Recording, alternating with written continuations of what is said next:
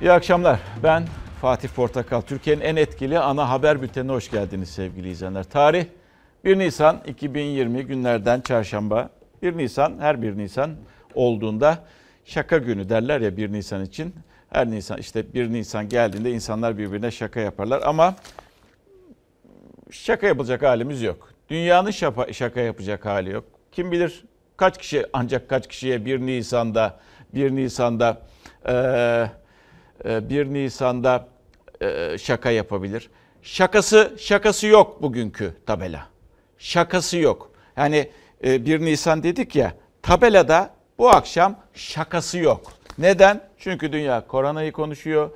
Koronavirüs biz de konuşuyoruz. İşte birazdan yeni veriler Sağlık Bakanı tarafından açıklanacak. Onları göreceksiniz. İzleyeceğiz hep birlikte duyacağız. Ve ee, yine korona ile başlayıp korona ile bitireceğiz bültenimizi. Bu işin şakası yok. Bakınız e, verilere gelelim. E, dün akşam itibariyle yani yeni bilgiler daha yeni birazdan gelecek ama dün akşam itibariyle 13.531 vaka var Türkiye'de. Koronavirüs vakası var. Devletin e, açıklamış olduğu, Sağlık Bakanlığı'nın açıklamış olduğu bunlar vaka sayıları. 214 ölüm gerçekleşti sayısı 1 milyon 100 bini bulan sağlık çalışanlarımız en büyük gücümüz. Ne kadar zorlu bir mücadelenin içinde olduğunuzu biliyorum. Koronavirüsle mücadelede ön cephedeki sağlık çalışanlarını birebir hastalarla temas kuranları ilk kez gördü Türkiye. Sağlık Bakanı o sağlık çalışanlarıyla video konferans yoluyla görüştü. İşin ağırlıklı yükü omuzlarınızda. Hep birlikte mücadeleye devam inşallah. Sağ olun, teşekkür ederiz. 31 Mart tarihinde 15.422 test yapıldı. 2704 kişiye Covid-19 teşhisi kondu. Vaka sayısı 13.531'e yükseldi. Hastalık nedeniyle hayatını kaybedenlerin sayısı 214. Yoğun bakımda tedavi gören hasta sayısı 847, solunum cihazından destek alanların sayısı 622. İçişleri Bakanı da Emniyet Teşkilatı'nda 30, jandarmada 18 personelin koronavirüse yakalandığını açıkladı. Kırklareli Valisi Osman Bilgin'le birlikte 4 kaymakamda da Covid-19 tespit edildi. Test sayımız düne oranla %25.2 arttı. Test merkezi sayımız 75'e ulaştı. Pozitif vakaların tespitinde daha hızlı ve avantajlıyız. Sosyal izolasyondan taviz vermeyelim. Temas eşittir risk. Lütfen unutmayalım. Sağlık Bakanı Fahrettin Koca test sayısı ve test merkezlerinin artışıyla vakaların erken tespit edilebildiğini söyledi. Bu açıklamadan birkaç saat sonra da hastanelerde koronavirüs hastaların tedavisinde görev alan sağlık çalışanlarıyla video konferans gerçekleştirdi. Ne kadar hastayı erken dönemde tedavisine başlar, destek tedavisine başlar isek solunum sıkıntısı ve yoğun bakım entübe safhasına gelişini o kadar durdurabileceğimizi düşünüyoruz. Daha sitokin fırtınası başlamadan erken dönemde bu ilaçların başlamasının çok önemli olduğunu düşünüyoruz. Biz yaklaşık 15 gün önce hastanın ikisini boşalttık. Tedbirlerimizi aldık. Hasta bekler konuma geçtik. Acilde Covid hastalarını karşılayacağımız alanı belirledik. Yoğun bakımlarımızı belirledik. Malzeme noktasında sorunumuz var mı? Ekipman konusunda da hiçbir sıkıntımız yok. Personelimiz kendini güvende hissediyor. Bu dönemde işin ağırlıklı yükü omuzlarınızda. Hep birlikte mücadeleye devam inşallah. Sonuna kadar. 13 binden fazla hastanın tedavisi sürüyor. Vakaların katlanmaması için karantina altına alınan yerleşim yerlerinin de sayısı artıyor. 21 ilde 50 belde köy mahalleye giriş yasaklandı. Avrupa'dan gelen ve 14 gün önce Kocaeli'nde yurtlarda karantina altına alınan vatandaşlar tahliye edildi. Kayseri'de ise karantinadan kaçan bir kişi abisinin ihbarıyla yakalandı, yeniden karantinaya alındı. Bu arada e, Sağlık Bakanı'nın sorusu önemli. Ekipman olarak bir sıkıntınız var mı diyor hekimlere. Hayır diyor. Onlarda bir sıkıntımız yok yeterli. Şimdi bir e, mail geldi bana. Çok geliyor. Onlardan bazılarını seçerek paylaşıyorum ki bunu Sağlık Bakanlığı e, bunun cevabını vermek zorunda. Arzu ederlerse o hastanenin ismini de ben verebilirim hastanenin ismini okumayacağım. Sağlık Bakanlığı ne diyordu? Hiçbir şekilde ücret ödenmeyecek diyordu bu tip vakalarda. Gelen şu şekilde ismi de vermeyeceğim. Kızımın mail adresinden yazıyorum diyor bir hanımefendi. Abimiz Beylikdüzü nokta nokta nokta hastanesinde tedavi görüyor. Covid-19 teşhisi koyuldu. Pazar günü bizden bir gecelik 1500 TL yatak ücreti alındı. Parayı almadan hastayı almıyorlar. Bugün arayıp hastanızı yoğun bakıma aldık. Uygulayacağımız ilacın parasını hemen öderseniz hemen tedaviye başlayacağız denildi bize. ilacın parasını hemen e, ayrıca denildi. Ayrıca bugüne kadar olan masraflarını da istediler. Toplam 1500 artı 8342 TL bankadan hesaplarına havale yaptık. Şimdi ben şunu öğrenmek istiyorum diyor hanımefendi. Sağlık Bakanlığı'na soruyor. Bakan, Sağlık Bakanı bütün hastaneler pandemi hastanesi. Halkımız para ödemeyecek dedi ama ödüyoruz. Bu neyin parasıdır? Eğer Sağlık Bakanlığı ilgilenirse ben bu hastanenin ismini de paylaşırım. Bunun gerçek olup olmadığını da e, araştırmış olurlar. Varsa da böyle bir şey gerekeni yaparlar diye düşünüyorum ben. Beylikdüzü'nde özel bir hastaneden bahsediyoruz. Dünyaya bakalım. Dünyada dur. Ha, şunu da hatırlatayım. Birazdan Sağlık Bakanı Fahrettin Koca 19.10'da açıklama yapılacağı duyulmuştu. Sağlık Bakanı tarafından çünkü bilim e, kurulu toplandı. Son açıklamalar bekleniyor. Dünyaya bakacağız. Dünyada İtalya'da acaba çan eğrisi gerçekleşti mi? Sanki öyle görünüyor. Ama İspanya, Fransa ve İngiltere'de ölümler devam ediyor. Merkez üssü, merkez üssü, koronanın yeni merkez üssünün Amerika Birleşik Devletleri özellikle de New York olduğu da çok konuşuluyor ve bugün bugün rekor kayıplar vardı. El cargador del señor. Dünyada korkulan oldu. Hem ölüm hem de hasta sayısında rekor artış gerçekleşti. Amerika Birleşik Devletleri 4100 can kaybıyla Çin'i geçti, hasta sayısını ikiye katladı. Trump önümüzdeki iki haftanın çok zor geçeceğini söyledi. Yeni tip koronavirüs COVID-19 alınan tüm tedbirlere rağmen hızla yayıldı. Hasta sayısı dünya genelinde bir günde yaklaşık 100 bin arttı, 900 bine yaklaştı. Salgın Amerika Birleşik Devletleri'nde zirve yeniledi. Son 24 saatte 920 kişi hayatını kaybetti. Can kaybı 3200'den 4100'e yükseldi. Başkan Donald Trump salgını ilk kez vebaya benzetti. Halka önlemlere uyma çağrısı yaptı. Önümüzdeki iki haftaya dikkat çekti. Herkesin önümüzdeki zor günlere hazırlıklı olmasını istiyorum. Çok zorlu bir iki hafta olacak. Bu çok acı verici olacak. Çok çok acı verici iki hafta olacak. Ölümlerin %40'ının gerçekleştiği New York'ta yatak kapasitesinin artırılmasına karar verildi. Tenis kortlarına bile hastane kurulmaya başlandı. Avrupa'yı kuşatan salgın İspanya'da bir günde 864 kişinin ölümüne yol açtı. Ölenlerin sayısı 9053'e yükselirken vaka sayısı 100 bini aştı. Madrid'de bir fuar alanı hastaneye çevrildi. Insulina rápido 2. Fransa'da İspanya ile aynı kaderi paylaştı. Son 24 saat salgının başından bu yana en fazla can kaybının yaşandığı gün olarak kaydedildi. 499 kişinin daha ölümüyle hayatını kaybedenlerin sayısı 3500'ü geçti.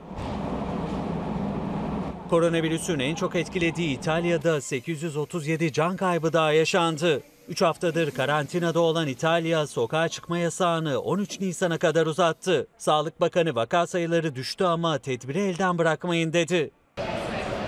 İngiltere'de bir gün içinde 563 ölüm gerçekleşti. Can kaybının 2300 aşması üzerine ordu devreye girdi. Askerler başkent Londra'da kongre merkezini geçici hastaneye çevirdi. İran'da bir günde 138 kişi hayatını kaybetse de koronavirüs kaynaklı ölümler azaldı. Can kaybı 3000'i geçti.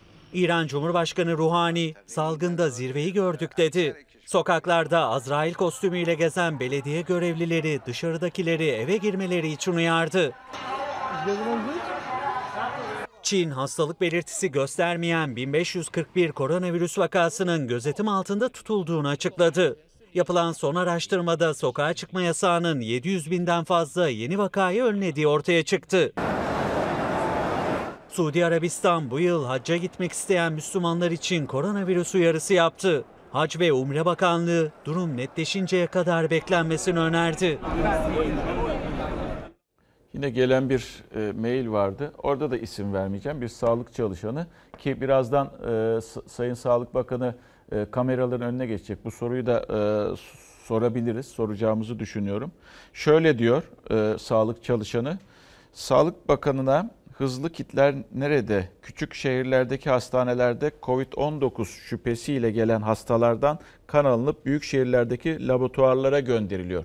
Anladığımız küçük şehirlerde e, bu kitlerin olmadığını söylüyor ve artık sonuç ne zaman gelirse çok büyük sıkıntılar var demiş. Yani küçük yerleşim yerlerinde, küçük şehirlerde e, bu kitlerin e, çok fazla olmadığı, sayılarının yeterli olmadığı, büyük şehirlere gönderildiğini söylüyor bu sağlık çalışanı. E, Sayın Bakan belki bu sorunun da cevabını verecektir. İşin şakası yok ve her geçen gün e, Sağlık Bakanlığı'nın ve Dü- Sağlık Bakanlığı'nın verilerini ve dünyadan gelecek artık verileri e, düşünüyoruz. Yaptığımız başka bir şey de yok. Elden de bir şey gelmiyor. E, bunun bir aşısı çıktı mı, bulundu mu diye sizler de her gün ekran başında, bizler de işte e, haber merkezinde böyle bir haber düşsün diye bekliyoruz. Ama şu an için çalışmalar var. Ne, ne var ki e, tatmin edici bir sonuç henüz daha çıkmadı. Geldik yine birleşemedik. Yani dünyada bu illet var. Korona illeti var. Ve bu illet e, bütün insanlığı tehdit ediyor. Türkiye'yi de tehdit ediyor. İnsanımızı da tehdit ediyor. Ve bu ortamda dahi maalesef birleşemedik. Çok değil. Bundan 48 saat önce veya 72 saat önce CHP'li belediyeler, yani nedir? İşte belediye başkanları, yerel yönetimler çıktılar. Ee, biz dediler bağış kampanyası düzenliyoruz. İnsanlardan bağış bekliyoruz. Bunun dediler kanunu var ve o bağışları da biz insanlara ulaştıracağız. ihtiyaç sahiplerine ulaştıracağız dediler. Daha sonrasında ne oldu? Ondan bir 24 saat geçmeden Cumhurbaşkanı e, biz de dedi bağış düzenliyoruz. E, biz birbirimize yeteriz, biz bize yeteriz diye bir bağış kampanyası, bağışların buraya yapılması istendi. Onun sabahında da İçişleri Bakanlığı'ndan bir genelge çıktı ve CHP'li belediyelerin yapmış olduğu e, bu e, bağışlara e, yasak getirildi. Yani hesapları, banka hesapları donduruldu. E, bugün gelinen noktada gözler Cumhurbaşkanı'ndaydı. Acaba iktidar e, geri adım demeyeyim ama yani bu inadından vazgeçecek miydi? Neticede herkes yapsın. İnsanlara ulaşacak. Daha fazla insana ulaşır. Ha, devlet de diyor ki bu tek elden olsun. Biz yapacağız gibilerinden. Onların da böyle bir açıklaması var. Cumhurbaşkanı bugün e, yine telekonferansla konuştu partililerine. Devlet içinde devlet olmaz dedi. Yaparsak biz yaparız. Yapması gereken kurum biziz demek istiyordu. CHP'den cevap geldi. Gelen cevap da Engin Altay'dan. Türkiye devlet içinde devleti sizin döneminizde gördü. Bir de Diyanet. Siyasallaşan Diyanet de tabii boş durur mu? O da hemen devreye girdi. Siyasallaşan Diyanet sevgili izleyenler. O da neyin hangi yardımın veya hangi bağışın caiz olup olmadığına karar verdi. Siyasallaşan Diyanet. Hangi yardım caiz, hangisi değil sizce? Devlet içinde devlet olmanın anlamı yoktur. Devletin kozmik odalarından, yargısından, ordusundan, emniyetinden devletin içine devleti sokan tek örnek var. O da sizin döneminize nasip oldu. Şu anda bütün bu kampanyalar sadece devletimizin yani Cumhurbaşkanlığı makamının açıklamış olduğu birimler tarafından yürütülmektedir. Mağdur milyonlarca insanımıza yeni mağdurlar eklenirken bu konuda kim haklı kim haksız tartışmasına girecek ve insanlarımız çaresiz beklerken zaman kaybedecek durumda değiliz. Cumhurbaşkanı devlet içinde devlet olmaya çalışmakla suçladı CHP'li 11 Büyükşehir Belediye Başkanı'nı. Başkanlarsa yaptıkları ortak açıklamada siyaset değil yardım yapacağız dedi. Diyanet İşleri Başkanlığı ise zekatların ulusal kampanyaya destek için verilmesini istedi. Zekatların bugünlerde ulusal düzeyde başlatılan dayanışma kampanyaları vasıtasıyla toplanıp hak sahiplerine ulaştırılması caizdir. Sarayın dayatmalarına sen dini dayanak ve gerekçe yaratmak için orada değilsin. Bundan vazgeç. Diyanet İşleri Başkanımız adeta Erdoğan'ın sözcüsü gibi çalışmaktadır. Yasalarda buna zaten müsaade etmiyor. İçişleri Bakanı'nın genelgesinde olduğu gibi Cumhurbaşkanı Erdoğan da CHP'li büyükşehir belediyelerinin ihtiyaç sahipleri için başlattığı kampanyaların yasaya aykırı olduğunu söyledi.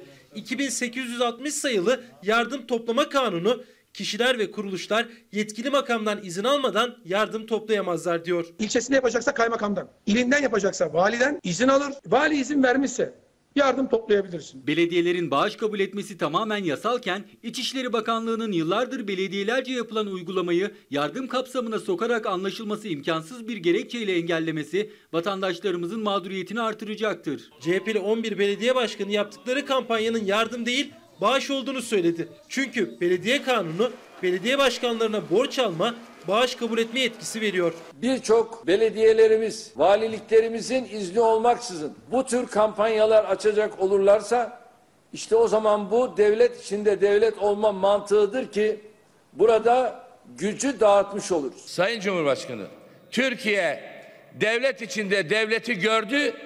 AK Parti döneminde gördü. Korkmayın. Bundan sonra siz bile isteseniz devletin içine hiçbir terör örgütünün sızmasına izin vermeyeceğiz. Eğer biz bugün bir olmayacaksak, bugün hala siyasi mantıkla yaklaşacaksak, iktidarmış, ana muhalefetmiş, böyle bir yaklaşım içerisine gireceksek, biz ne zaman bir ve beraber olacağız? İnsanlarımızın mağduriyeti giderilsin de siyasi karı kimin olacaksa olsun önemli değildir. 11 CHP'li Büyükşehir Belediye Başkanı da CHP lideri Kılıçdaroğlu da ihtiyaç sahiplerine yardım ulaştırılacağını söyledi. Mansur Yavaş yeni günde tezgahları tedbirler kapsamında kapanan simitçilere gıda yardımında bulundu. Önümüzdeki günlerde 550 lirada nakdi yardım yapacak. Cumhurbaşkanının o sözü önemli. Biz ne zaman bir ve beraber olacağız? Cumhurbaşkanı topu muhalefete, muhalefet topu Cumhurbaşkanı'na atıyor. Yurttaş olarak siz ne düşünüyorsunuz? Bakın siyasi düşüncelerinizi bir tarafa bırakarak lütfen cevap veriniz. Elinizi vicdanınıza koyarak cevap veriniz. Şimdi ben de elimi vicdanıma koyuyorum. Ve bu elim vicdanımdayken şöyle aklımdan geçiyor. Ya herkes yapsa ne olur? Yani evet merkezi hükümet yapsın. Güzel. Cumhurbaşkanlığının himayesinde. Güzel fena değil. E, diğer taraftan yerel yönetimler e, onlar da yapsın. Yapmasın mı? Onlar da toplasınlar. Yani 3 insana ulaşmak yerine 300 insana ulaşsınlar. 300 insana ulaşacağına 3000 insana ulaş. Daha fazla insana ulaşılsın. Bunun reklamı yapılmadan, bunun propagandası yapılmadan zor günlerden geçiyoruz. Bakın hala daha elim vicdanımda. Acaba siyasetçiler de ellerini böyle vicdanlarına koyup aynı samimi duyguları paylaşabilirler mi? Veya hangi samimi duyguları paylaşırlar? Ha, bir suistimal mi oldu? Yapılanlarda, bağışlarda cebe mi atıldı? O zaman hani böyle yapıyordu ya.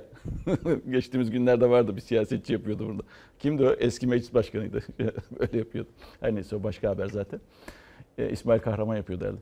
E, işte o zaman o yapıldığında, suistimal olduğunda he, o zaman da araştırılsın, cezası kesilsin. Önemli olan daha fazla insana ulaşabilmek. Bakın elimi hala daha vicdanımdan ben indirmedim. Çünkü benim vicdanım rahat. He, rahatsız olanlar varsa vicdanları onlar da hesabını verirler. Geldik. Yani bunun tartışması çok oldu. Evet Cumhurbaşkanı konuştu, CHP'den Engin Altay cevap verdi ama siyaset gün boyu bunu konuştu ve ortaya da bu çıktı. Cumhuriyet Halk Partili belediyelerimize de deniyor ki bir dakika kardeşim sen kimsin? Yangın var bizim belediye başkanları ellerine kova almış koşuyorlar bırakın o kovaları. Neymiş? Biz fakire fukaraya gidecek yardımı engelleyen konumundayız. Siyasi sahiplerle hareket ederek belediyelerin topladığı yardımlara çökelim diyenler kimse unutmayacağız. Allah'ını severseniz siyasi tutum zamanı mı? Belediyelerin yardım kampanyası hesaplarına bloke koyduran genelgenin altında imzası olan İçişleri Bakanı hedefte. Tartışma aynı zamanda meclis gündeminde. Bırakın belediyeler de işini yapsın. Bunu engellerseniz bundan millet razı olmaz Allah da razı olmaz. Belediye başkanları seçilmişse bu kampanya yapabilir diyebiliriz. Bakanlık da adım atmış, mevzuatın gereğini yapmış. Siz devlet olarak bir kampanya başlatacaksınız. Vatandaşın en rahat ulaşacağı kurumlar olan belediyelerin önünü keseceksiniz. Yazıklar olsun diyeceğim. Başka da bir şey diyemiyorum. Hiçbir şey bilmeyeceksiniz. Ondan sonra sadece siyasi tutum ortaya koyacaksınız. Bunu engelleyenler şu anda suç işliyor. Yasanın amir hükmünü uygulatmamak bir suçtur. Belediyeler iki türlü bağış alabilirler. Şartlı bağış ve şartsız bağış. Elbette şartlı bağış toplamak valilik oluruyla olur. Ama şartsız bağış almak belediye başkanının yetkisindedir. Muhalefetli İçişleri Bakanı'nın belediyelerin kampanyası kanuna aykırı çıkışına yanıt verdi. Belediye başkanlarının yardım toplama hakkı var diyerek Soylu'nun CHP'li belediye başkanlarını paralel devlet kurmaya çalışmakla suçlamasına da tepki sertti. Devlet izin vermeden, vali izin vermeden sen banka numaraları açıklarsan, ben yardım topluyorum dersen Siz başka bir devlet oluşturmak istiyorsunuz. Sayın Bakan paralel devletin ne olduğunu, nasıl kurulduğunu gayet kendisi çok iyi bilir. Biz paralel devletten şundan bundan anlamayız. İçişleri Bakanı olarak bana Sayın Cumhurbaşkanımızın verdiği görev kanunun gereğini burada yerine getirmektir. Oysa o yardımlar ardında devleti bulamayan muhtaç kardeşlerimize gidecek. Muhalefet, CHP'li büyükşehir belediyelerinin yardım kampanyalarının İçişleri Bakanlığı genelgesiyle durdurulması yüz binlerce yardım bekleyen ailenin mağduriyeti olacak dedi. Gözler idari mahkemelere çevrildi. Benim görüşüm o. Vicdanım da rahat. Siz de lütfen vicdanınız ne diyor, aklınız ne diyor ona göre. Benim için fark etmez. Cumhurbaşkanlığı toplasın, belediyelerde toplasın yardımı. Yeter ki insanlara ulaştırsınlar. Çünkü çok mağdur insan var. Bak o mağdur insanlardan bir tanesi yazmış. Bir kuaför arkadaş. Diyor ki bu şu virüs bitsin. Ee, heh, vergilerden 20 gündür kapalıyız. Kiramız, SGK'mız, Bağkur'umuz, ödemelerimiz bitmiyor. Bu konuyla ilgili sıkıntılarımızı dile getirir misiniz? Sadece bu sıkıntılardan bir tanesi. O tezgah açan insanlar var. Tezgahlarını açamıyorlar. Yüz binlerce, milyonlarca insan var. Onların hepsine ulaşmak gerekiyor. Devlet içinde devlet olmaz. Cumhurbaşkanının sözüydü. Her bu konuda da Diyanet işe, işin içine girer. Bizim Diyanet İşleri Başkanlığı, siyasallaşan Diyanet İşleri Başkanlığı hemen Oba buradan açıklama yapalım hemen diye. Ya bu, siz nasıl karar veriyorsunuz buna? Diyanet İşleri Başkanlığı olarak sizin görev alanınızda mıdır Allah aşkına bu? Hemen hangi yardımın caiz, hangisinin olmayacağına. Siz mi? Elini vicdanla koyuyor mu acaba? Din İşleri Yüksek Kurulu veya Diyanet İşleri Başkanı çok merak ediyorum ben bu kararları açıklarken, bu fetvaları verirlerken. Ya burada Diyanet İşleri Başkanı'nın aslında şöyle demesi gerekir. Yani ya bu bağış zor günlerden geçiyoruz. Ülkemizin dayanışmaya ihtiyacı var. Bu yardımlar, bu bağışlar kimlerden gelirse kabulümüz olması gerekir. Hepsi caizdir demesi gerekir. Hayır. Siyasallaştığı için zaten başka da bir açıklama beklemiyorsunuz e, Diyanet işlerinde. Ve geldik milli kampanya. Tabii e, e, bugün böyle sosyal medyada da vardı, farklı farklı yerlerden görüntüler de geldi. İster istemez o soruyu soruyorsunuz. Cumhurbaşkanı kampanya açıkladı ya geri kalmak istemiyor kimileri. Özellikle belki de öne çıkmak istiyor. Ben de buradayım, ben de yaptım, ben de yaptım gibilerinden öyle bir durum. Zorunlu bağış mı sorusunu akla getiriyor. Biz bize yeteriz Türkiye'm sloganıyla bir yardım kampanyası başlattık. Para yatıracaksın diyor Milli Eğitim Müdürü. Dekontu da müdürlüğe göndereceksin diyor. Adıyaman Milli Eğitim Müdürü'nün yaptığının Türkçe karşılığı eşkıyalıktır. Yalakalıktır. Cumhurbaşkanının 7 maaşını bağışlayarak başlattığı dayanışma kampanyası sonrası öğretmenlerden bağış dekontu talebi, Yargıtay Başkanı'nın üyeleri ve personele yazdığı alt limitli bağış yazısı BOTAŞ'ın maaş kesintisi gündeme bomba gibi düştü. Eleştirilere Cumhurbaşkanı Erdoğan yanıt verdi. Bu işin tam adı korona vergisidir. Devletin para toplamaya, devletin işte affedersiniz dilencilik yapmaya yöneldiği gibi çirkin yaklaşımlar. Türkiye Cumhuriyeti'ni vatandaşına para yatırsın diye IBAN numarası veren bir devlet durumuna düşüremezsiniz. Muhalefetin ağzından çıkanı kulağının duyması lazım. Erdoğan'ın biz bize yeteriz Türkiye'm sloganıyla başlattığı kampanya sonrası Yargıtay Başkanı imzasıyla üyelere, hakimlere, savcılara, personele ulaştırılan bu yazı büyük ses getirdi. Yargıtay Başkanı Mehmet Akarca alt limitle belirledi. Sayın başkanlarımız, üyelerimiz, onursal başkan ve üyelerimiz, Yargıtay Cumhuriyet savcılarımız ve tetkik hakimlerimiz için alt sınırı 1000 liradan, personelimiz için 100 liradan az olmamak üzere ilan edilen hesap numarasına 20 Nisan 2020 tarihine kadar yardımda bulunulması hususu saygıyla duyurulur. Yargıtay Başkanı nedir bu kardeşim nedir? Yargıtay üyelerine talimatla para yatırılmasını emretmek kepazeliktir. BOTAŞ'ta çalışanlarına mesaj gönderdi. Nisan ayı maaşlarından Milli Dayanışma kampanyası için kesinti yapılacağını duyurdu. Kapsam dışı çalışanlardan 400, kapsam içi personelden 200 lira. Bunun adı haraçtır, haraç. Gönüllü bağışın adı zorunlu bağış oldu. Kamuda çalışanlara genelgeler yollayıp şu kadar parayı verirsen verirsin, vermezsen seni fişlerim mantığıyla bu işi götürmek en hafif tabirle ayıptır, edepsizliktir. Kamudaki hiçbir kurum ya da kuruluşun kampanyaya destek amacıyla çalışanlarının maaşlarından kesinti yapması düşünülemez. Böyle bir yöntem hiçbir suretle tasvip edilemez. Cumhurbaşkanlığı İletişim Başkanı da muhalefet gibi kimsenin maaşından kesinti yapılamaz diyerek tepki yükseltti. Adıyaman Milli Eğitim Müdürü de okul müdürlüklerine gönderdiği yazıda öğretmenlerin kampanyaya destek vermesini istedi. Dahası yapılan bağışların da dekontlarını talep etti. Yeni bir tamim yayınlamış. Bu sefer dekontların müdürlüğümüze gönderilmemesini istemiş. Riyakarlığa, edepsizliğe pes diyorum sadece. Devletimizin ülke genelinde yapmış olduğu yatırımlar bunlar rakamlarla ifade edilmez. Onun için muhalefetin ağzından çıkanı kulağının duyması lazım. Eğer ağzından çıkanı kulağı duymuyorsa milletimiz vakti saati geldiğinde bunun da cevabını onlara verir.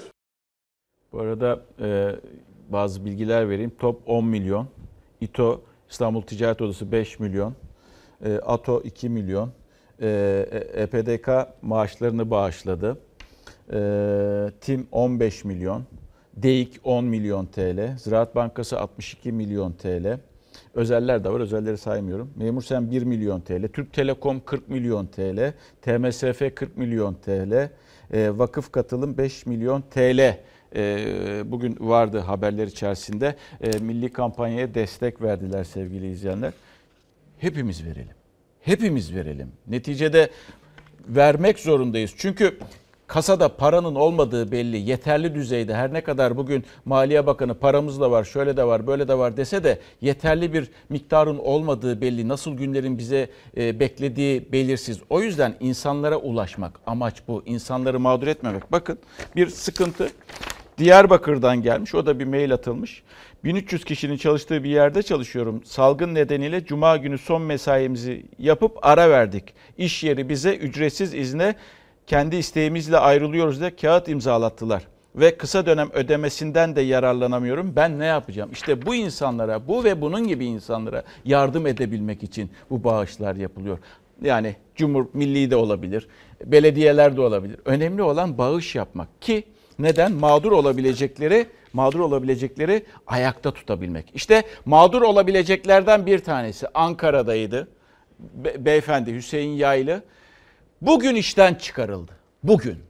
Koronadan dolayı bugün işten çıkarıldı ve soluğu işkurun önünde aldı. Bugün direkt ben 20 sene geçinden oldum. Sesiniz titriyor zaten. Hocam ya 20 sene. Düşün yani. Gözümden oldum bak. Gitsem şu anda rapor alsam gözden gitmiştir yani. Sağlığıyla birlikte 20 senelik emeğinin bir kalemde silinip gittiğini anlatırken sesi titredi. Koronavirüs tedbirleri sonrası kapanan iş yerlerinden birinde çalışıyordu. Artık işkur kapısında. Hani çıkma yoktu. Para istemiyorum. Benim sadece sağlığımı yap, sigortamı karşılasaydı köyüme giderdim. 3 ay bana hiçbir şey olmaz yani. Devlet diyor herkes evine gitsin. Ne yapacağız evde şimdi? İşsizlik kadar kötüsü umutsuzluk. Bir yanda salgın diğer yanda parasızlık ve bu tabloyu tersine çevirecek rakamlar bir türlü gelmiyor. Aksine işini kaybedenler ekleniyor uzun kuyruklara. Adres Ankara'daki İşkur kapısı. İşkur'un kapısını en çok onlar çalıyor. Oysa hedef artı iki istihdamdı. Ama salgın sonrası alınan tedbirlerle kepenk indiren iş yerleriyle tablo tam tersine döndü. 48 yaşındaki iki çocuk babası Hüseyin Yaylı da o mağdurlardan yalnızca biri. 80 yaşında annem var. Ona bakıyoruz işte tek maaş. Ve bir de üniversitede iki çocuk okuyor. Ha şimdi alacağım ben kaç lira? Bir buçuk mu veriyor?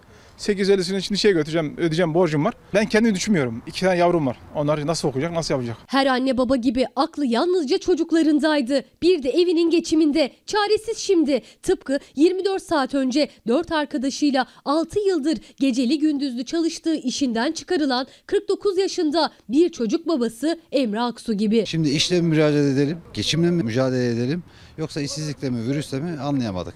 Virüs öldürmezse kriz öldürecek bizi. Bin lirayla geçim olur mu? Alacağım belki bin lira bir işsizlik maaşı. Bununla faturayı mı ödeyeyim? Evin geçimini mi harcayayım? Çocuk e, üniversiteye hazırlanıyor. Onun giderlerini mi karşılayayım? Hangisini karşılayacağım bilemiyorum. İşini salgın nedeniyle kaybedenler bir yana bir de mevcut işsizler var kuyrukta. Yani aylardır hatta yıllardır iş arayanlar. Bugüne kadar iş bulabilmek için yıllardır kapıları çalanlar artık o kapıların da birer birer kapanmasıyla daha da çıkmazda. Bakalım işsizlik ödeneği bize de vereceklermiş. Hiç işi olmayana biz. E yaşımız 45 oldu artık işe almıyorlar. Türkiye'de iş bulmak hayal oldu. Fahrettin Koca birazdan açıklama yapacak. Bakın bugün işten çıkarıldı. Bir çözüm, bir çıkış yolu arıyor kendisi. Az önce o milli kampanyada e, dedik ya bağış yapanları. Aslında bugün Çiğdem Toker'in yazısını ben okumanızı isterim. Oradan sadece bir bölüm alacağım. Cumhurbaşkanlığınca başlatılan yardım kampanyalarına makbuz karşılığı yapılan ayni ve nakdi bağışların tamamı beyannamede bildirilen vergi matrahından indirilecek. Yani e, yanisi diyor köprü, otoyol, tünel, havalimanı, şehir hastane yapıp işleten müteahhitler bütçeden 18.9 milyar TL garanti, kira ödemeleri alacağı gibi Covid-19 için yapacakları bağışları vergiden düşebilecekler. Ve işte bu Ankara'da yaşandı. Belediyeler de şu anda artık bağış alamıyorlar. Çünkü karar durduruldu, mahkemeye devretti ama yılmıyorlar. Ankara Büyükşehir Belediyesi Mansur Yavaş çok değil bir süre önce yaklaşık bir 45 dakika önce yine bir tweet attı. Ankaralılara seslendi. Şu saat itibariyle ihtiyaç sahibi başvuran sayısı, sayıya lütfen dikkat ediniz. 124.508 ki bunun 400-500 binleri Ankara'da bulacağı ifade ediliyor. İşini kaybeden vatandaşlarımızdan gıda ve nakit başvuru sayısı 22.849. Gönüllü sayısı ise 3118'e ulaşmıştır. İnşallah kimseyi aç ve açıkta bırakmayacak, mağduriyetlere izin vermeyeceğiz diyor Ankara Büyükşehir Belediyesi. Şimdi de işte bakın böyle bir ortamda e, geçen gün açıklama yapıldı. Geliriniz şu de, seviyedeyseydi gidip bankalardan e, kredi alabilirsiniz. 5000 TL'nin altında geliriniz varsa. Yani yoksulu daha da borçlandırmaya çalışıyor iktidar bu adımıyla. Niye yapıyorsunuz diye aslında bu soruyu sormak gerekiyor. Bir de şu soruyu sormak gerekiyor. Böyle bir ortamda kredi kullanır mısınız? Niçin geldiniz? Kredi başvurunda bulmak için. Ne kadarlık bir tutar için başvuruyorsunuz? 10.000 TL. Evde çalışan var mı hanede? Yok. Geliriniz 5000 liranın altında mı? Çünkü Evet. tek şart o. Evet. Emekli maaşım 1300 lira. Evine giren para ortada. Sadece faturaları çıkarınca bile elinde kalan parada. En temel ihtiyaçları yeme içme sorununu çözmek içinse banka kuyruğunda. 6 ay ödemesiz faizli kredi için başvurular alınmaya başlandı. 6 ay sonrası ise meçhul. Geri ödeyebilecek misiniz? Öderim tabii. Nasıl? Çalışarak. Kaç yaşındasınız? 70. Ödeyemeyeceğim. Gayet belli. Açık. Net. İhtiyacım var. Bakın ekmek aldım. Ev ekmek götürüyorum. Koronavirüs salgını nedeniyle işini kaybedenler ya da dükkanını kapatanlar biraz olsun rahat nefes alsın diye kamu bankalara 6 ay ödemesiz kredi vermeye başladı. Dargelililer bankanın yolunu tuttu. Kendimizi çevirebilmek için, durumları biraz idare ettirebilmek için başvuracağız. Biz 6 ay öte- e, ertelemeli bir kredi çekeceğiz. Açık söylemek gerekirse günümüzü kurtarmaya çalışıyoruz. 10.000 TL'ye başvuracağım ben. O gün bugün 5 bin liranın altında geliri olan aileler 10 bin liraya kadar kredi başvurusu yapıyor. Ancak 6 ay sonra ödenecek olmasına rağmen biz bunu nasıl ödeyeceğiz endişesi taşıyor. Çünkü işsizler, çünkü ücretsiz izne çıkartıldılar. Çünkü iş bulma umutlarını çoktan yitirdiler. Bir gün çalışıyorlar, bir gün çalıştırmıyorlar. İşçi sınıfında e, 6 ayını gören yoktur herhalde diye düşünüyorum. Çalışıyor musunuz? Çalışıyordum bu salgından önce. İşsiz kaldık. Ödemelerimiz var. Ödemek e, zorunda olduğumuz krediler, ev kiralarımız var. Salgına hazırlığımız olmadığı gibi ona da hazırlığımız yok. Ne salgın hazırlığı ne de salgının yol açtığı işsizlik tehdidine karşı birikimi vardı çalışanların. Çalışırken bile ayın sonunu zor getiriyorlardı zaten. Faizine rağmen krediye başvurdular. Ev kredim var. Araç kredim var. Kredi kartlarımız 20 gündür evdeyiz. Yiyecek, içecek ihtiyaçlarımız, kredi kartlarımız hepsi şişti. Kredimi yapılandırmaya gittim. Yani hemen hemen bir üç buçuk milyara yakın bir faiz ödemesi bana sundular. İptal ettim mesela kalsın dedim. Tüketici kredisi ve kredi kartı borçlarını 3 ay ötelemek için bankayla irtibata geçen tüketicilere faiz yansıtılıyor. Yeni kredi çekmek için sıraya girenlerin yanında eski kredilerini yapılandırmak isteyenler de var. 3 ay erteleme ya da yapılandırma seçenekleri getirildiğini duyurmuştu bazı bankalar ancak masrafları çok fazla. 1.19 krediyi çektiniz? Kullandık evet. %4,5'la yapılandırıp o şekilde ötelenebileceği sunuldu. 50 bin lira borcum varsa herhalde 80-90 olacaktı o borcum biraz öteleyince. Vazgeçtik haliyle. Kredilerini ödeme sıkıntısı çekenlere öteleme ya da yapılandırma imkanı sunuluyor. Ancak görünen o ki bazı bankalar bu durumu suistimal ediyor. O 3 ayın parasını sonradan alıyor yani öyle söyleyeyim. 376 TL gibi para ödüyordu aylık. Bunu da işte örnek vereyim 30 36 aydı. 6 ayını ödemişti. 3 aya 1000 lira gibi para istedi yani. 3 ayı ötelemeye 1000 TL gibi para istedi. Tüketici kredi kullandığı zaman yüksek bir faiz oranıyla kullanmışsa aynı yüksek faiz oranı yansıtılarak tüketicinin kredisi ötelenebiliyor. Yani virüsle ve işsizlikle mücadele ederken bir de bu yüklerin altında eziliyor tüketiciler. Borçları katlanıyor. Hatta sosyal mesafe sebebiyle sırf yakın diye ortak ATM'leri kullandıklarında bile yüklü işlem ücreti alınmaya devam ediyor tüketiciden. Bankaların hiç mi sosyal sorumluluk anlayışı yok? Hiç mi üstlerine düşen bir görev yok? Evet, bankaları da anlamak mümkün değil. Hala da kazanalım. Biz kazanalım. Yani güzel bir şey yapıyorlarmış gibi görünüyor aslında ama şöyle bir baktığınızda ha, hayatı kolaylaştırıyorlar. İşte şuralardan yapabilirsiniz, buralardan yapabilirsiniz. ATM'deki limitinizi şöyle yaptık, böyle yaptık, şöyle yükselttik. Güzel şeyleri böyle güzel güzel reklamlıyorlar. Banka ayrımı yapmıyorum. Hepsini kastediyorum özel ve devlet. Ama bakın her şeyden para almaya da devam ediyorlar. Az önce elimi vicdanıma koydum ya vicdanım o bakımdan çok rahat. Ama herkesin rahat olsun vicdanı. Mert Bey demiş ki şu zamanda siyaset düşünülmez söylediğiniz her şeye katılıyorum demiş. Yani aklın yolu bir. Bir başkası da ee, güzel bir mesajdı. Heh, şakası yok demiş bir yine bir arkadaş. İsteyen yardım kampanyası yapabilir. İsteyen A partisi, isteyen B partisine bağış yapabilir. Sonuç halk için yapılacaksa fark eder mi diye soruyor. Benim için fark etmez. Yeter ki ulaşsın ulaşacağı yere. Ha, yasal olarak alınsın, yasal olarak da birilerine ulaştırılsın. Yapılmıyorsa zaten kanunlar var, cezasını çeker. Ve sosyal yardım ilk pakette, istikrar paketinde açıklanmıştı. İstikrar kalkanı veya koruyucu kalkan paketinde açıklanmıştı.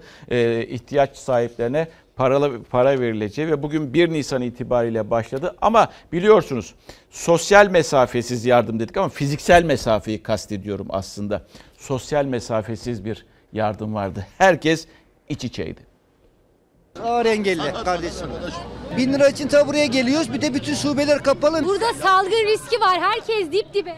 Ama dip dipe yapacak bir şey yok. Ağır engelli tek başına gelemiyor. İki ayak kesik beni birader hemen. Madem öyle eve göndersinler. Yani böyle bir yardım dağıtacaksın da milleti temelli yani. hastalığı yayıyorsun. Garibanlar Şuraya ne yapacak böyle yani? Heykelin Aç, oraya kadar mesafe Evden var. çıkmayın diyorlar. Bizim evimizin kirası var, elektriğimiz var, suyumuz var. Yani biz evlerde aç öleceğiz, virüsten değil.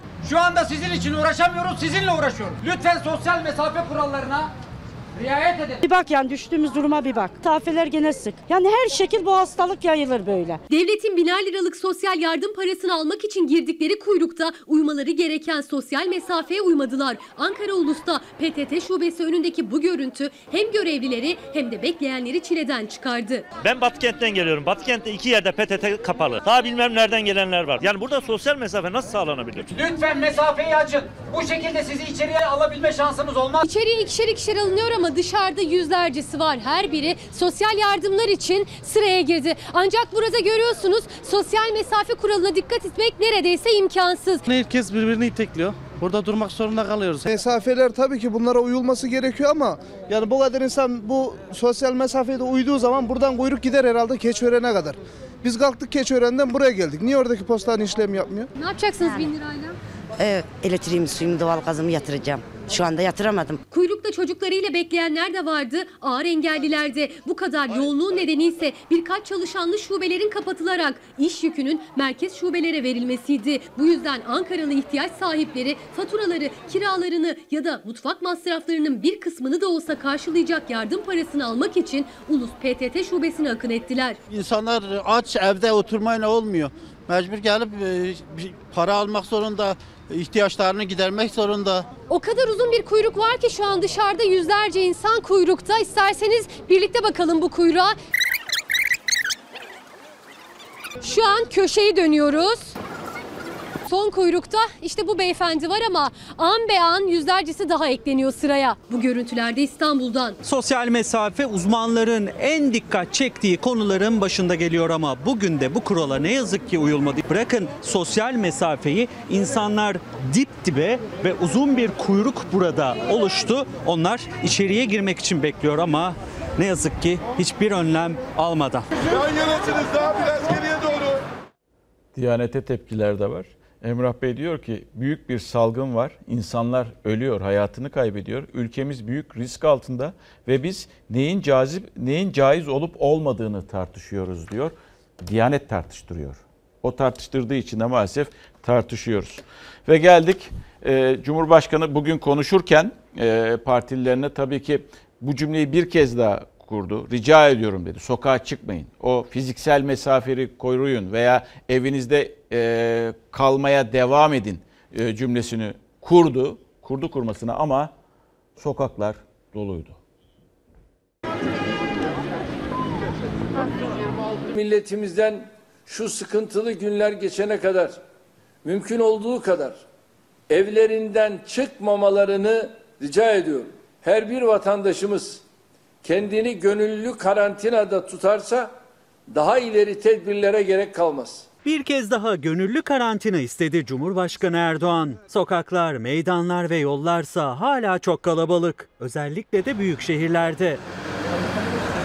Burası Fatih'te bir park. Sanki normal bir günmüş gibi bankların büyük bir kısmı dolu. İşte telefonla konuşanlar, parkta zaman geçirenlerin sayısı hiç az değil. Sokağa çıkma yasağı yok ama gerekmedikçe evden kimsenin çıkmaması isteniyor. Hem kendi hem de çevresindekilerin sağlığı için. Ancak hafta sonu sessizleşen meydanlar, sokaklar, parklar hafta içi yeniden doldu. Polisin uyarıları yetersiz kaldı. Parkta yoğunluk artınca polislerin de uyarıları var. İşte polis ekipleri bu şekilde burada beklememeleri konusunda insanları uyarıyor. İstanbul gibi başkentte de meydanlar boş değildi. Ulus Meydan'da görüntü biraz daha farklı. Her ne kadar normal zamandaki kadar kalabalık olmasa da yine meydanda zaman geçirenler var. Yine aynı şekilde otobüs durakları da her zamanki yoğunluğunda olmasa da yine kalabalık. Hatta Ankara'da polisin koronavirüs tedbirleri kapsamında uygulama yaptığı noktaya girmek istemeyen sürücüler araçlarıyla ters yönde giderek hem kendi hem de diğer sürücülerin canlarını tehlikeye attı. Bize, bize ışık yaktılar da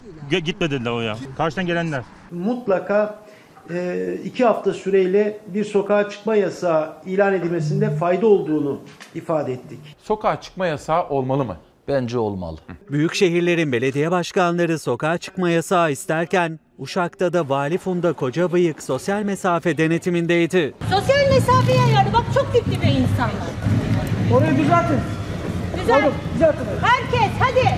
İşi olmayan hiç kimseyi sokmayacağız artık mücadeleye. Otobüsle şehirler arası seyahat kısıtlamasına gidilmesine rağmen özel araçlarıyla yolculuk yapmak isteyenlerse uzun kuyruklara neden oluyor. İstanbul çıkışındaki trafiğin sonu gelmiyor. Sürücülere seyahat sebepleri soruluyor, ateşleri ölçülüyor. İki günde kontrol edilenlerin sayısı 177.475'i buldu.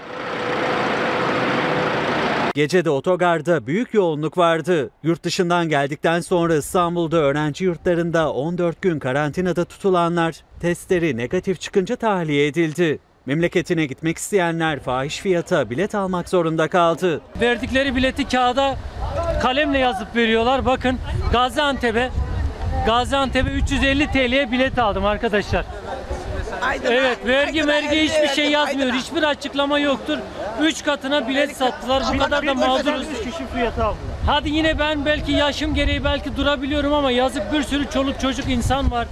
Yaşlılar var. 70 lira olan Adana biletini 350 liraya almış durumdayım. Yine e, gönderdiğiniz iletiler arasında bir ata- vatandaş şunu diyor. Bir şeyi anlamıyorum. Niçin bağış toplamaya ihtiyaç duyuyoruz? Koskoca Türkiye'nin bütçesi bu durumu karşılamaya yetmiyor mu? Yetiyor veya yetmiyor. Ha, yettiğini çok fazla düşünenlerden değilim. Çünkü vatandaşa ulaşan, e, birebir ulaşan diğer ülkelerin yaptığı bağışlara baktığımızda, onların e, uygulamalarına baktığımızda e, farkı anlıyorsunuz. Ha, toplanmasını da anormal bulmuyorum. İnsanlara ulaşmak zorundayız. Yoksulu çok olan, fakiri çok olan bir ülkeyiz. Gelir adaletsizliğinin hat safhada yaşandığı ülkelerden bir tanesiyiz. Bu kadar böyle olan bir ülkede yani destek olabilecek olanlar varsa da destek olacaktır. Önemli olan da bu. Ama ama işte bu gibi açıklamalar, "Kar- yok ben yaptım sen yapma, sen yaptın ben yapmayayım açıklamaları insanları rahatsız ediyor. Sağlık Bakanı göründü bu arada. Onu da söyleyeyim Sağlık Bakanlığı'nda yapacak açıklamayı. Ee, bilim kuruluyla toplantısı vardı. Saat 19.10 diyordu. Toplantı saati öyle duyurulmuştu. Biraz gecikti. Konuşuyor kendisi. Fahrettin Koca konuşuyor mu? Ha konuşmuyor. Ee, yazdıklarına veya notlarına bakıyor. Çünkü bugünkü verileri paylaşacak. O verileri paylaşmadan önce yine kısa bir giriş yapacak diye tahmin ediyorum ben. Ee, konuşmalarında öyle yapıyor çünkü. Ardından verileri e, paylaşacak. Tabii aklından şu anda ne geçtiğini bilemeyiz kendisinin. Ee, nasıl bir tablo karşımıza çıkacak? Nasıl bir tabloyu, nasıl bir tabloyu bizlerle paylaşacak onu da bilmiyoruz. Ama merak ediyoruz tabii ki. Çünkü bu saatler yaklaştığında e, yeni bilgiler mi onlar? Ha değil. Ee, bu saatler yaklaştığında verileri internet sitesinden paylaşıyorlar ve bizler de öğreniyoruz. Dünkü test sayısı, dünkü test sayısı 15 bin 15.422 idi. 15.422 idi. Pozitif e, 2704'tü vaka sayısı. 46 vatandaşımız da hayatını kaybetmişti dün itibariyle. Bugünkü verilerin e, ne olduğunu, neler olduğunu e, bakandan birazdan duyacağız. Kendisi konuşmaya başlayıncaya kadar da e, bir mesaj daha okuyayım. Tuğçe Hanım diyor ki şakası yok, gerçekten şakası yok. Sağlık açısından da bundan sonraki hayatımız açısından da. Vatandaş dükkanlarını kapattı, işsiz kaldı, borçları nasıl ödeyeceklerini düşünüyorlar. Bankalar bu kadar yardım bağışlayacağına faizsiz erteleme, düşük faiz ve yapılandırma yapsınlar. Ee, düşük faiz ile yapılandırma yapsınlar. Vatandaşın gözüne daha çok girerler. En azından iyilik yaparlar demiş. Olabilir. Tabii arkadaşlarım da beni bilgilendirmeye devam ediyor şu anda. Gelen bilgileri paylaşıyorlar. Sizinle konuşuyorum ama diğer taraftan da kulağımda da onların sesi de var. Ee, ve birkaç gündür e, ses sayısı e, ses sayısı diyorum. Test sayısı yükselmişti. Onun da hatırlatmasını o gün yaptı sağ olsun. Heh, basın başladı. mensupları. Sağlık Bakanı Fahrettin Koca. Koronavirüs salgınında dünyada gelinen nokta artık olayın başlangıç günlerini bile unutturdu. Çin'de başlayan olay şimdi bütün hayatı belirlemiş durumda. Hiçbirimiz dünyanın neresinde olursa olsun herhangi bir insan bu hastalık yokmuş gibi yaşayamaz. 24 saat içinde bile yaşam tarzı radikal değişiklikler gösterebiliyor. Bu eski dünya değil. Bu sürdüre geldiğimiz hayat değil. Dünya insanının ekran başından izlediği haberler eskiye benzemiyor. Çok uzun yıllardan beri dünya bütün ulusları birleşmiş olarak ortak bir düşmana karşı savaşıyor. Dünyanın her ülkesi bu savaşta ayrı bir cephe. Karşımızda sürekli hareket halinde olan, içeri sızacak boşluk arayan, koyduğumuz sınırlarda zayıf noktaları tehdit eden bir düşman var. İnsanlık buna ilk kez tanık oluyor. Dayanışma şimdi izolasyonla gerçekleşiyor. Araya mesafe koymak bizi güçlü kılıyor. Aziz milletim, dünya koronavirüse karşı şu ana kadar ne başarı göstermişse bunu izolasyona borçludur. Biz de hastalığın ülkemize girmesini bu yolla öteledik. Hastalık Türkiye'ye girdiğinde bu mücadelede asıl silahımızın izolasyon olduğunu söyledik. Temas, mesafe, izolasyon. Bu üç kelime hayati önemli. Temas içinde olmayacağız. Araya mesafe koyacağız. Kendimizi izole edeceğiz. Bütün dünyada bilim insanları hastalık üzerinde çalışıyor. Bilgi sürekli gelişiyor. İzolasyon konusu her gün daha fazla önem kazanıyor. Mücadele temelde yayılmayı önleme mücadelesidir. O halde ilaç, aşı çalışmalarını sürdüren bilim insanları bize en başta ne diyor? Tıp ne diyor? Ona bakmalıyız. Tıp şunu diyor. Temastan kaçın, araya mesafe koy, kendini izole et. Eğer bu temel kural uygulanmazsa diğer tedbirler bizi koruyamaz. Tehdit herkes için ortak. Tehdide karşı davranış ortak olmalıdır. Uyguladığınız tedbiri başkasından talep etme hakkınız var. Yakınlarınızı, çevrenizi uyarmak gibi bir sorumluluğunuz var. Şunu söylerseniz size kimse itiraz edemeyecektir. Özgürlüğümüzü kısıtlayan birbirimiz değiliz. Özgürlüğümüzü risk kısıtlıyor. Aziz milletim, izolasyon mücadelenin şahıs bazından ülke bazına gerekli olan mücadele şartıdır.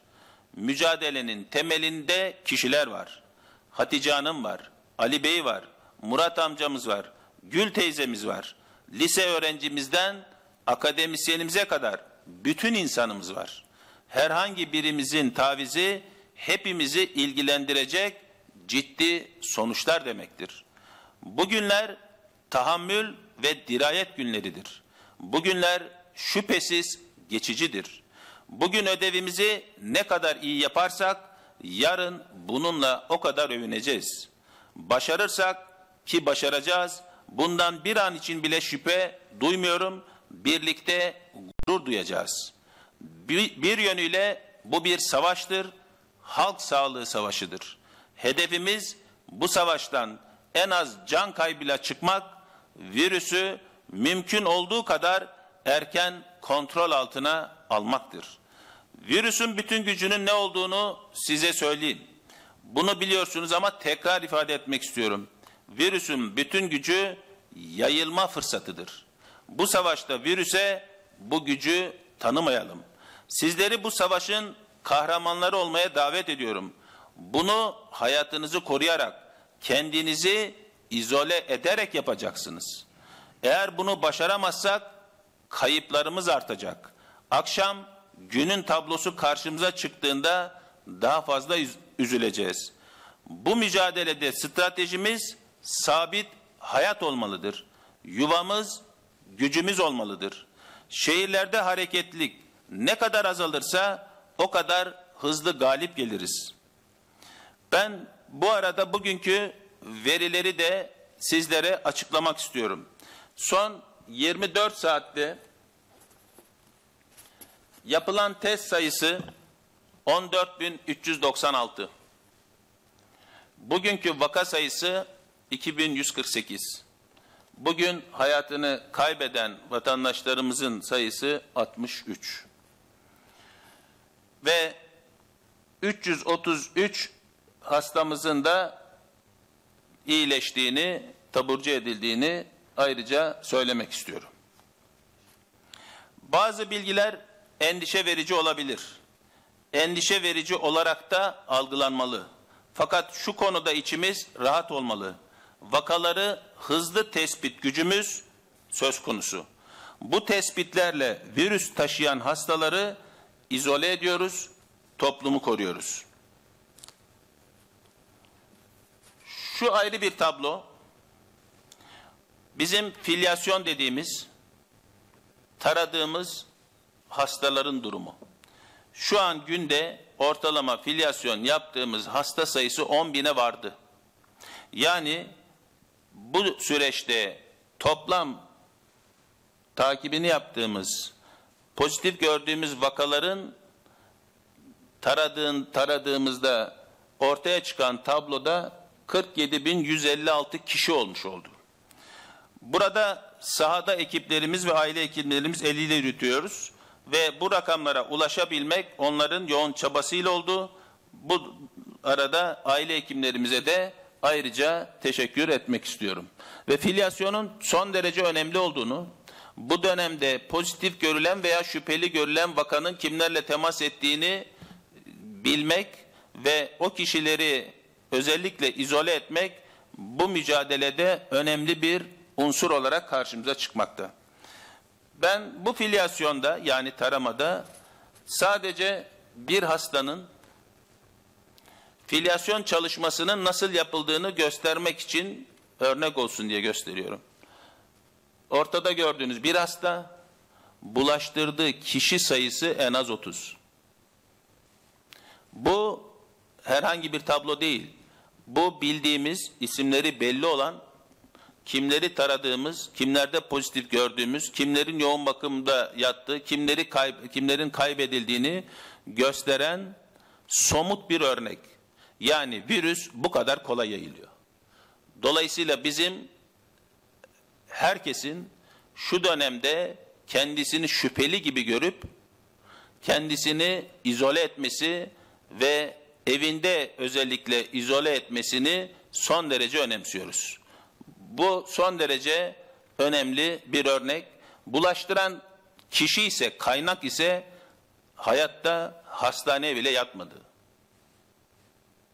Ama üç kişinin hayatını kaybetmesine ve bu süreçte gördüğünüz gibi 3, 7, 8, 11, 12 kişinin de pozitif olduğunu görüyoruz.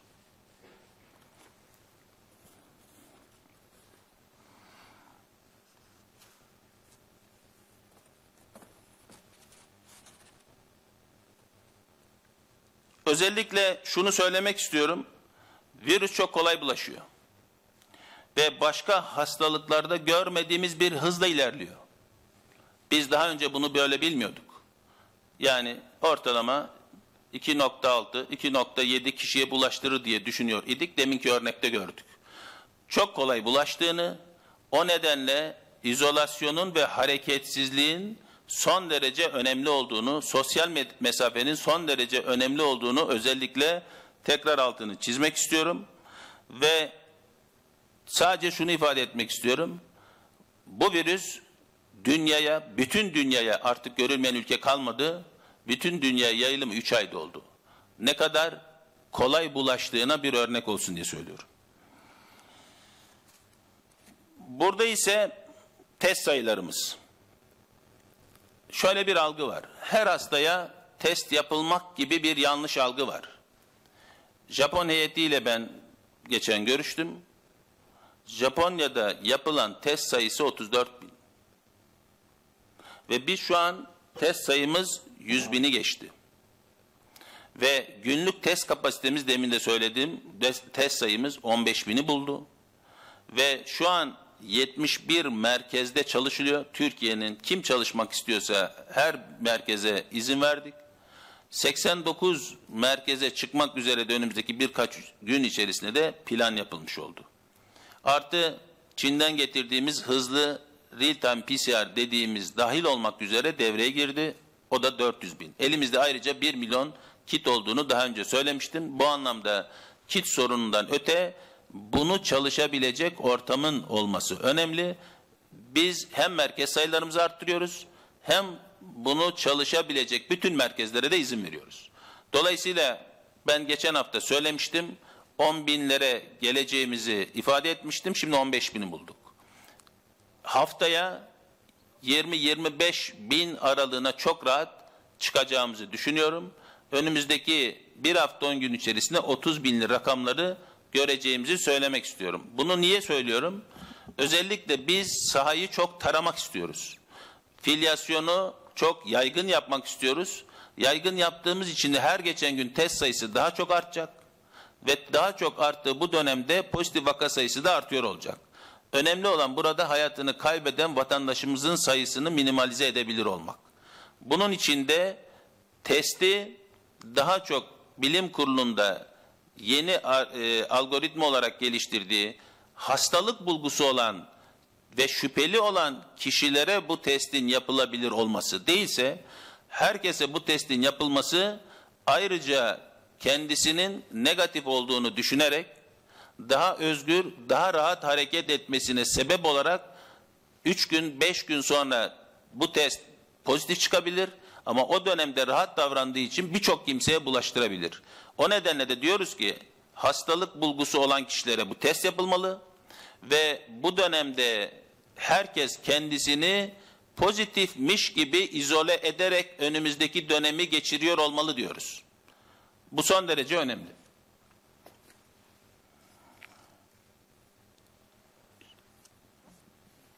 Burada ise bir diğer tablo bu toplam vaka sayımızı gün be gün gösteren dün itibariyle bugün demin açıkladığım rakamlar burada yok. Ee, dünkü rakamlar itibariyle grafik olarak aşağıda da e, hayatını e, kaybeden e, vakalarımızla ilgili tablo. Pardon o burada. Burada ise bu tabloda da bu dün itibariyle olan e, hayatını kaybeden vatandaşlarımızın grafiği. Burada e, şunu söylemek istiyorum. E, sayılarımız artıyor ama vakalarımız içerisindeki ölüm oranımız şu an yüzde 1.58. Bu anlamda birçok ülkeden aşağıda olduğumuzu, e, bunu eğer e, daha aşağı düşürme noktasında bir başarı gösterebilirsek bu son derece bizim için önemli olur. Çünkü düşük olan ülkelerin de Almanya örneğinde dahil olmak üzere, Güney Kore dahil olmak üzere giderek bu sayıların arttığını, son günlerde açıklanan oranların daha da yüksek olduğunu biliyoruz. Hedefimiz burada hayatını kaybeden vatandaşlarımızın sayısını azaltmak. Ayrıca bu da bütün illerimizdeki dağılımı. Bugüne kadar illerimizdeki dağılımı göstermemiştik. Sebep daha önce de ifade etmiştim. İtalya bunun benzerini yaptı. İtalya'da bir bölgeden bütün İtalya'ya o virüsün yayılmasına sebep oldu. Biz de bu sebeple özellikle o hata işlemek istemedik. Ama şimdi dün itibariyle bir ilimizde görülmemişti. O ilimizde de dün itibariyle görülen iki vakamız oldu. Bütün illerimizde artık bu virüsün olduğunu biliyoruz. O nedenle açıklamakta bir sakınca olmadığını düşünüyoruz. Burada görülen ön planda daha çok vakanın gördüğünüz gibi kırmızı olarak işaretlenen sonra sarı İstanbul. İstanbul'daki vaka sayısı 8852 yüzde 60'lara yakın. Onu İzmir izliyor 853 vaka. Onu 712 vakayla Ankara, 584 vakayla Konya, 410 vakayla Kocaeli.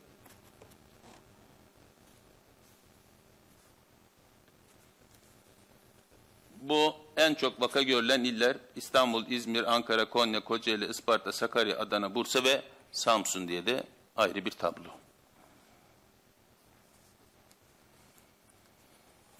Bu tablo ise illere göre hayatını kaybeden vatandaşlarımızın e, dağılımını gösteriyor. Toplam 39 ilimizde can kaybımız var. 42 ilimizde e, hayatını kaybeden vatandaşımızın olmadığını gösteren bir tablo. Burada da ağırlıklı İstanbul, e, devamında İzmir, şöyle göstereyim. İstanbul, İzmir, Kocaeli, Ankara, Konya, Zonguldak, Trabzon, Balıkesir, Adana ve Sakarya şeklinde ilk 10 ilin sıralaması da böyle.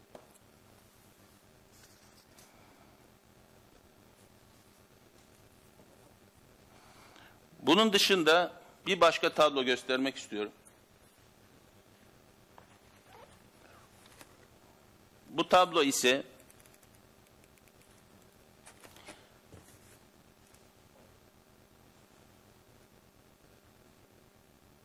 hayatını kaybeden kişilerin yüzde yetmiş dokuz buçu yani yüzde sekseni 60 yaş üstü. Yoğun bakımda olanların yüzde 74.7'si yani yüzde 75'i yaklaşık yoğun bakımda 60 yaşın üzerinde. Ayrıca risk grubunu hep söylüyoruz.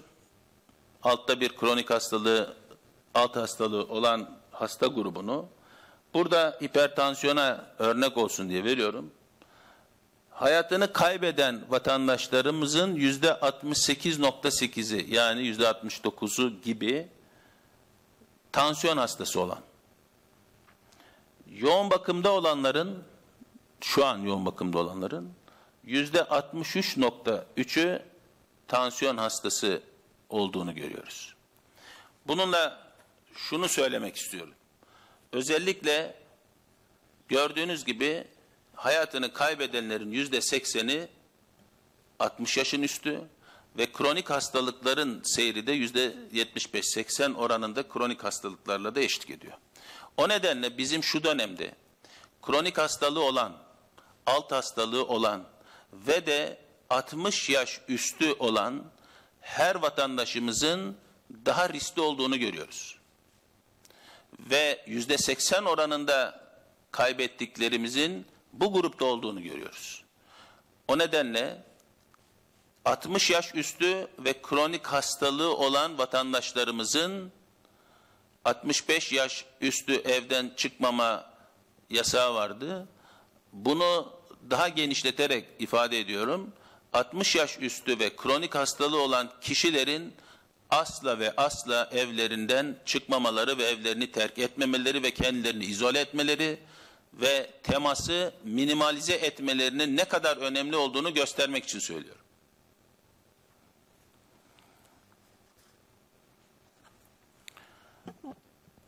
Vaka tespiti konusundaki başarımız sistematik ve hızlı bir çalışmanın sonucu. Sağlık çalışanlarımıza ve bilim kurulumuza güvenelim. Hastalığın yayılmasını, can kayıplarını önlemenin yolu tedbirdir. Kendimizi izole edelim, yuvamız, gücümüz olmalı. Dışarı çıkmayalım, virüse fırsat tanımayalım. Teşekkür ediyorum. Sorularınızı alabilirim. Sayın Bakan, Meltem Özgenç Hürriyet Gazetesi. Ee, Bugün e, Sayın Valinin bir tweet'i oldu. Ee, Umre'den gelen vatandaşların evlerine uğurlanacaklarını söyledi. Fakat bir hafta uzatıldığını biliyoruz biz bu sürenin. Kafalarda soru işareti yarattı bu. Ee, acaba uğurlanıyorlar mı yoksa bir hafta uzatılacak mı?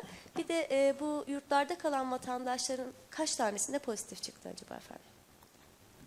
Ben şöyle kısaca bilgi vereyim. Umre'deki vatandaşlarımızla ilgili bilim kurulu ve yurtlarda kalanlarla ilgili dış, yurt dışından gelen e, öğrencilerle ilgili bir karar almıştı bundan önceki toplantıda. Bu toplantıda şöyle bir karar alındı. Eğer pozitifse bu kişinin hastanede takibi. Eğer semptomu varsa yine hastanede takip edilmesi. Hem semptomu yok hem negatif ise ve bu süreçte de kaldıysa 14 gün, Umre'den gelenler için söylüyorum. Bir onam formu imzalatarak ki bilim kurulu onam formunu da hazırladı. Yani evinden dışarı çıkmamak üzere bunun e, zorunlu olduğunu belirten bir onam formu da imza altına alınmak kaydıyla ve aile hekimliğinin de bu kişileri takip etmek şartıyla 14 gün evde izolasyonlarına izolasyonlarının uygun olduğunu ifade etti. Bilim kurulunun aldığı kararı söylüyorum. Yurt dışından gelenler için de benzer şekilde yine onam formu ve 14 gün evde ayrıca izole olmaları, hastalık bulgusu olanların da hastanede takibi. Yapılan işlem bundan ibaret. Bilim kurulunun kararı doğrultusunda hareket edilmiş oldu. Evet. Ee, Sayın Bakanım, Dünya Sağlık Örgütü Direktörü ile bir görüşmeniz e, oldu sanırım. E, bunun detaylarını alabilir miyiz? Görüşmede neler e, konuşuldu? Çok teşekkür ederim. Anadolu Ajansı'ndan Yeşim Sert Karaslan. Ben de teşekkür ediyorum. Dünya Sağlık Örgütü Avrupa Direktörü ile bugün görüştük. Uzun bir görüşmemiz oldu. Özellikle e, bu süreçte gelinen pandemide dünyada gelinen noktayı ve daha önce merkez üssü olarak Çin'den sonra Avrupa'nın görüldüğü ama şimdi Kuzey Amerika'nın merkez üssü olduğu şeklinde bir e, kanaat oluştu. E, bu süreçte özellikle birçok ülkeye e, destek sağladığımızı bunun için özellikle teşekkür ettiler.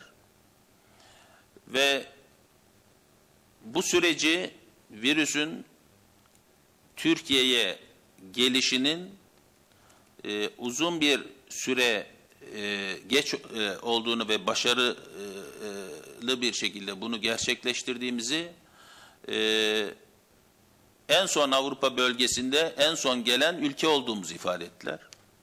Ve bu süreci de özellikle sağlık sistemimize olan güvenleri başarılı bir şekilde götürdüğümüzü, her türlü yardıma hazır olduklarını ve e, süreci de şeffaf çünkü biliyorsunuz biz bütün bu bilgilendirmeleri Dünya Sağlık Örgütü'ne yapıyoruz. Bilgilendirmeleri de şeffaf bir şekilde yaptığımızı ve bize bu konuda da özellikle teşekkür ettiler. Bu süreci tedavi dahil olmak üzere stratejisini de basamaklandırılmış bir stratejiyi de ayrıca konuştuk. Ee, zaten uyguladığımızda böyle bir yaklaşım. Ee, bu anlamda iyi bir görüşme oldu. Teşekkür ediyorum.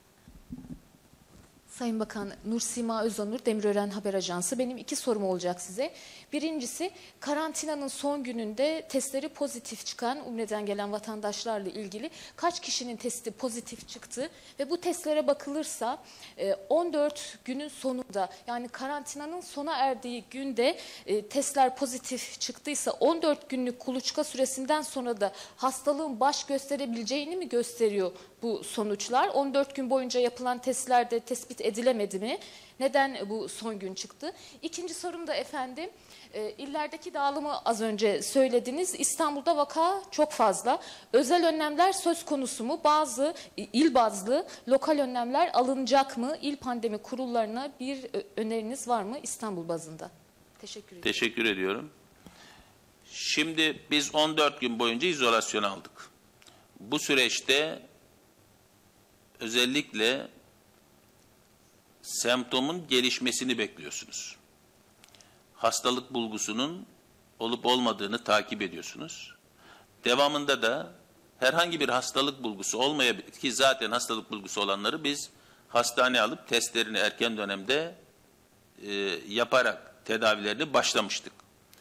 Bunun dışında Umre'den geldikleri için ve bu dönemde pozitif olan vakaların da olduğunu görerek semptom olan hastaların pozitifliğini daha önceden 14 günlük zaman dilimi içinde görerek devamında herhangi bir bulgusu olmayanların test yapıldığında da pozitif olduğunu gördüm.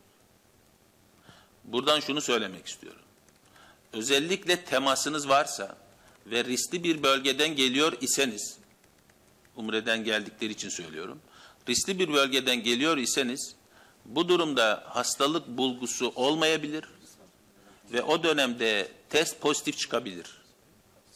Hiçbir hastalık bulgunuz olmadan bunun olabilirliğini gösterdiği için de önemli bizim açımızdan. Pozitif olanları da tabii ki tedaviye almış olduk. Bölgesel bir takım tedbirler. Yapılması gereken şu. Bunu bilim kurulunda konuşuyoruz. Biliyorsunuz geçen toplantıda da bazı iller başta olmak üzere e, ağırlıklı bütün ülkede e, hareketliliği azaltan bir önerisi olmuştu. Ve bununla ilgili Sayın Cumhurbaşkanımızın da e, iradesiyle devreye girmişti. Bundan sonraki süreçte il pandemi kurullarımız dahil olmak üzere bölgesel bir takım daha sıkı tedbirler alabilir mi? Alabilir. Önemli olan hareketli azaltabilir olmak, önemli olan zorunlu olmadıkça evden çıkmamak. Tek önleyici tedbirin bu olduğu çok net görülüyor. Teşekkür ediyorum. VOA muhabiri Yıldız Yazıcıoğlu. Efendim iki soru yönelteceğim size. Ee, birincisi yanlışlık yapmayayım. Ee, vefat sayısı bugün itibariyle 277 oldu. Az önce Cemil Taşçıoğlu, Profesör Doktor Taşçıoğlu'nun oğlu babasının vefat ettiğini duyurdu. Bu çerçevede sağlık personeliyle ilgili bize biraz bilgi verebilir misiniz? Örneğin İçişleri Bakanı dün kendi personeliyle ilgili sayıları açıkladı. İllere göre dağılımı, varsa yoğun bakımda yatan sağlık personeli sayısı gibi bilgileri bizimle paylaşırsanız. İkincisi de bize bir takım grafikler gösterdiniz ama bunların tümü bize bugünkü mevcut durumu ifade ediyor. Başka ülkelerdeki çalışmalara ve DSÖ'nün de grafiklerine baktığımızda bir takım simülasyonlar söz konusu. Türkiye'nin simülasyonu nedir? Nasıl bir simülasyon yaptınız? Örneğin gerçekten pik yaparsa beklediğiniz vaka sayısı ve ne yazık ki vefat sayısı nedir? Eğer istediğiniz şekilde evde kal çağrılarına kulak verilirse tam tersine düşük şekildeki vaka sayısı beklentiniz nedir? Teşekkürler. Son cümlenizden başlayayım. Eğer gerçekten dediğimiz şekilde izole edebilirsek kendimizi ve bu anlamda teması minimalize edebilirsek, zorunlu olmadıkça evden çıkmamış olursak, bu anlamdaki tedbirlerle bu grafiğin daha aşağıda kapanacağını çok rahat söyleyebiliriz. Tersine hiçbir şekilde izolasyon kurallarına uymayıp temas noktasında bir gayret ve çaba içinde olunmazsa önleme şansı olmaz. O nedenle bütün toplum olarak birlik beraberlik içinde hatta birbirimizi uyararak bizim evlerimizde kendimizi izole etme çabası ve zorunluluğu içinde olmalıyız. Özellikle de hayatını kaybedenlerin demin de bahsettiğim 60 yaş üstü ve kronik hastaların daha çok olduğunu, bu gençlerin hiç olmadığı anlamına gelmez. Gençlerin de bu noktada hassasiyet, özellikle orta yaşın da hassasiyet göstermesi gerektiğini biliyoruz. Bu sadece bir yaş aralığının daha çok etkilendiğini göstermek için o tabloyu verdik. Ee, Sayın hocam için Allah'tan rahmet diliyorum. Büyük bir acı. Çok iyi bir insandı. Ve görevinin başında son güne kadar hizmet ederek hayata veda etti. Yakınlarına başsağlığı ve sabır diliyorum. Bütün camiamıza da sabır diliyorum. Maalesef hayatını dünyada da kaybeden çok kimse var. Ülkemizde de bugün DSÖ Avrupa direktörüyle görüştüğümde Avrupa'da görülen vakaların yüzde onunun sağlık çalışanları olduğunu söyledi. Bizde böyle bir oran yok. Ama her geçen gün bu pozitif çıkan vaka sayımızın fazla olduğunu hem hekim arkadaşlarımızdan hem hemşire arkadaşlarımızdan hem sağlık çalışanlarımızdan ve yardımcı personelimizde fazla olduğunu söylemek istiyorum. Bunun sayısını çok içimden gelmiyor vermek. 601 kişi.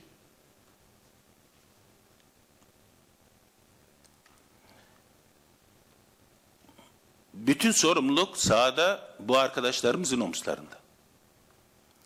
Dolayısıyla özellikle koruyucu malzeme noktasında eksiklik oluşturmama noktasında her türlü gayret içinde olduğumuzdan emin olun.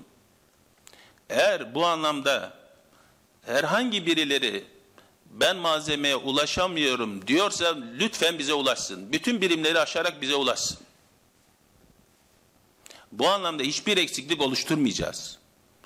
Ve sadece son bir haftada bizim dağıttığımız N95 maske 4 milyona yakın oldu. Daha fazlasını da veririz.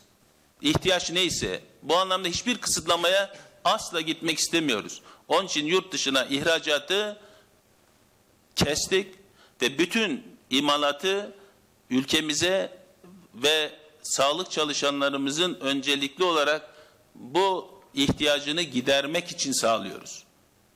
Ve sağlamaya da devam edeceğiz.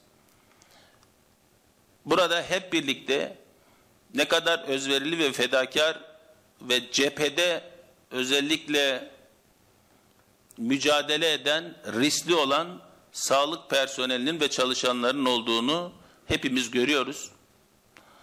e, bizler de onları korumak için her türlü tedbiri almaya devam ediyor olacağız. Evet teşekkür ediyorum. Efendim Yeni Akit Komiteri Ankara muhabiri Taha Emre Özdemir. Ee, bu taraftayım müsaadenizle. Buradayım efendim. Ee, şimdi virüsle virüsle e, mücadele kapsamında e, efendim önce şunu soracağım. Vaka tablosundaki e, entübe ve yoğun bakım hasta sayısıyla birlikte e, kaç hastamız için hastanede tedavi önerildi? Yani kaç hastamız hastanede tedavi görüyor, kaç hastamız evinde tedavi uygun görüldü? E, şu, şu kapsamda soruyorum. Türk Tabipler Birliği'nin dün bir rapor yayınlandı. Hastanelerin yetersiz noktada olduğu iddiasını yinelediler. E, bu noktada bu soruyu sormuş olayım. E, ikinci sorumda efendim e, virüsle mücadelede Sağlık Bakanlığı'nı başarılı bulan çevreler olduğu gibi başarısız bulan çevreler de var. E, Sayın Bilim Kurulu üyeleriyle birlikte. E, genel bir karantina konusunda sizin bireysel fikriniz nedir? Ne kadar etkili olacaktır koronavirüsle mücadele kapsamında? Çünkü bu kurulu e, mücadelede başarısız bulanlar e, genel karantina uygulamasına gidilmesi gerektiğini konuşuyorlar. Ve son olarak da e, uzmanlarımız koronavirüsle mücadelede bağışıklık sisteminin güçlü olmasına dikkat çekiyor. E, uyku süresinin önemine vurgu yapılıyor. Siz yüz hatlarınızdaki yorgunluk sebebiyle sosyal medyada çok konuşuldunuz. E, takdirle karşılanarak hani çok yorgun olduğunuz yönünde. Günde kaç saat uyuyorsunuz efendim sağlık sisteminin başındaki e, kişi olarak teşekkür ederim. Ben uyku faslında kendimle ilgili olan kısma cevap vermeyeyim. Ee, yani biz bu dönemde üzerimize düşen sorumluluğu yapmak üzere bir gayret içinde olduğumuzun e, olduğumuzu ifade ederek e, cevap vermiş olayım. E, uykunun tabii ki önemli olduğunu, vatandaşlarımızın bağışıklık ve dirençlerini arttırma noktalarında hem beslenmelerine hem uykularına, uyku düzenlerine önem vermeleri gerektiğini özellikle de ifade etmek istiyorum. Ee, ilk sorunuz Şimdi ben e, şunu söylemek istiyorum. Başından beri birlik ve beraberlik içinde bir mücadele ortamının oluşması için gayret gösteriyoruz. Ve bu mücadelede tek ferdin bile farklı davranmasına hakkının olmadığını özellikle ifade ediyoruz.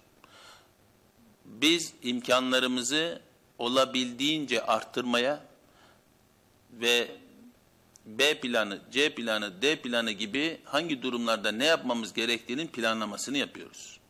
Şu an hastanelerimizdeki yoğun bakımlardaki doluluk oranımız yüzde 63.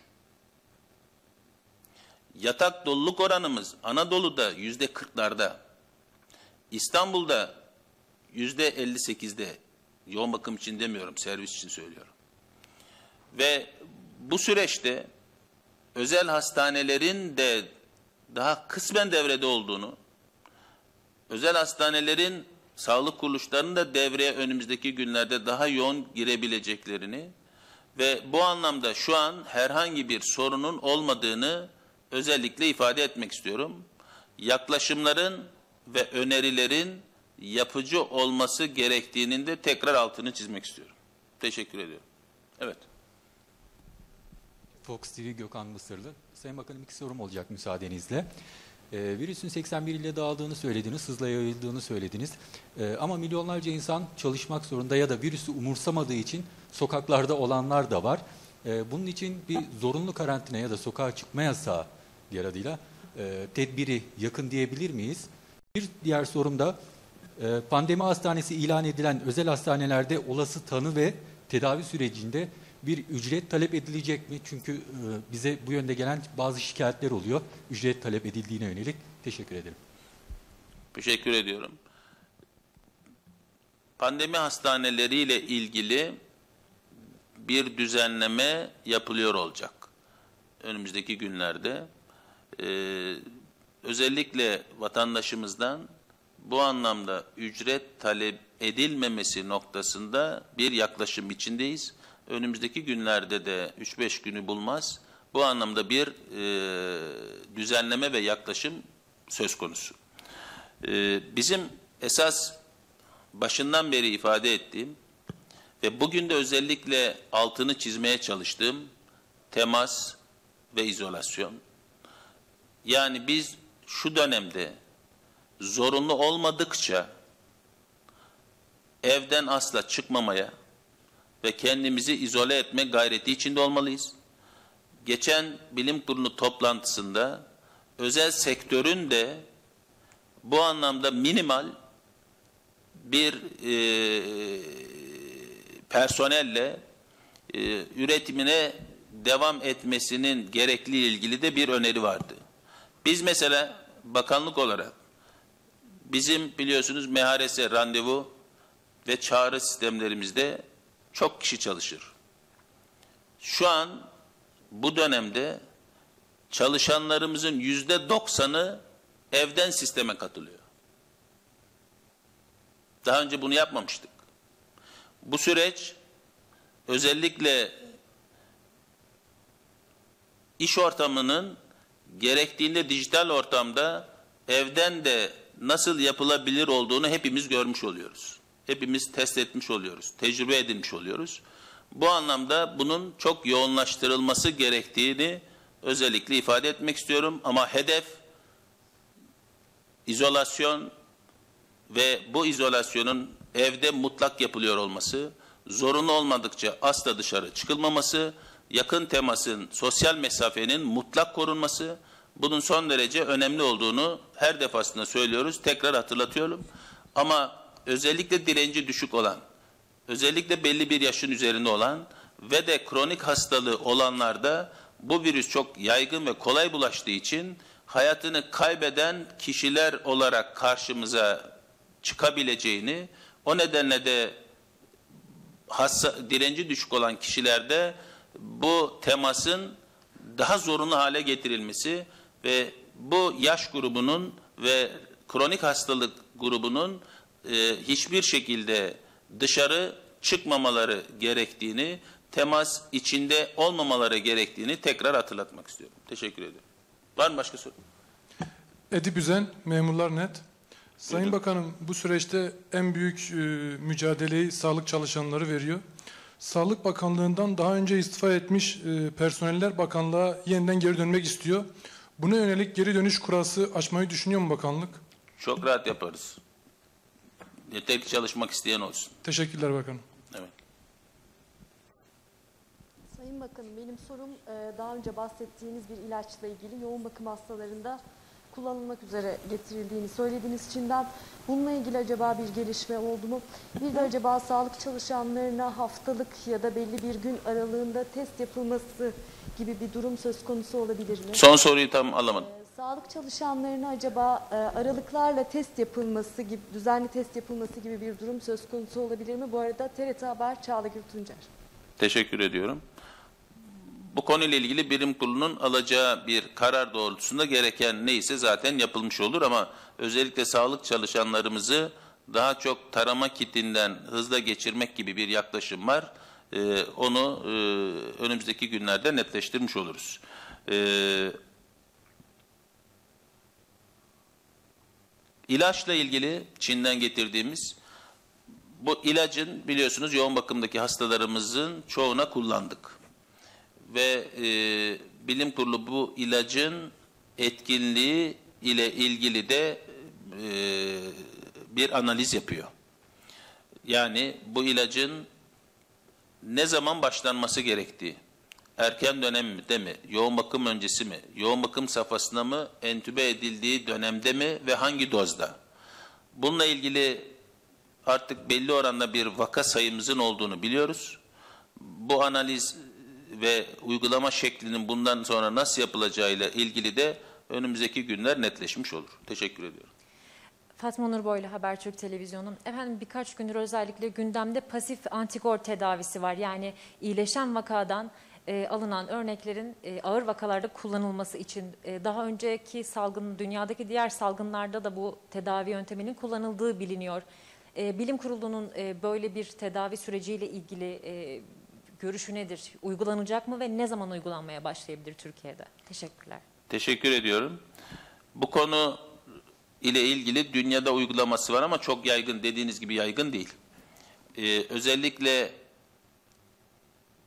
tedavisi yapılan ve antikor gelişmiş olan kişilerin plazmasını hasta olan kişiye vermek. Bununla ilgili e, bir çerçeve çizildi. E, hangi hastaya nasıl uygulanması gerektiği ile ilgili bugün de yayınlandı. Özellikle Kızılay'ı da burada e, önemli bir e, tedarik zincirinde önemli bir birim olacak Kızılay'ımız. E, bunu yapabilecek olan, aferez merkezi olan üniversite ve e, vakıf üniversitelerine de yapabileceklerse bu konuda da izin vermek üzere kimlere izin verileceği şeklinde de e, bir genelge bugün yayınlanmış oldu. Bu konuda biz kök hücre uygulamasını da daha genişletmek istiyoruz. Bununla ilgili de kök hücre uygulamasını yapacak olan merkezlere ki biz üç merkezle ilgili uyguladığımız bazı hastalarımız oldu. Buradan fayda gördüklerini söyleyebilir miyiz? En azından şu dönemde zararlı olmadığını ama ne kadar faydalı olduğu konusunda bilim kurulunun analizi olmuş olur. Ama biz bu tedaviyi de ötelemek istemiyoruz. Bunu da uygulamak istiyoruz. Kök hücre başladı. Bunu daha genişletiyoruz. Plazma ile de ilgili dediğim şekilde bunun hangi hastaya uygulanması ve nasıl uygulanması gerektiği ile ilgili de bir genel düzenleme yapıldı. Teşekkür ediyorum. Var mı başka soru? Herhalde yok. Efendim Ve e, Fahrettin Koca konuşmasını tamamladı. E, aşağı yukarı e, aşağı yukarı 30-40 dakikalık bir konuşmaydı. Öncelikle bugüne bakalım. Bugün e, toplam test sayısı Türkiye'nin yapmış olduğu test sayısı 106.799.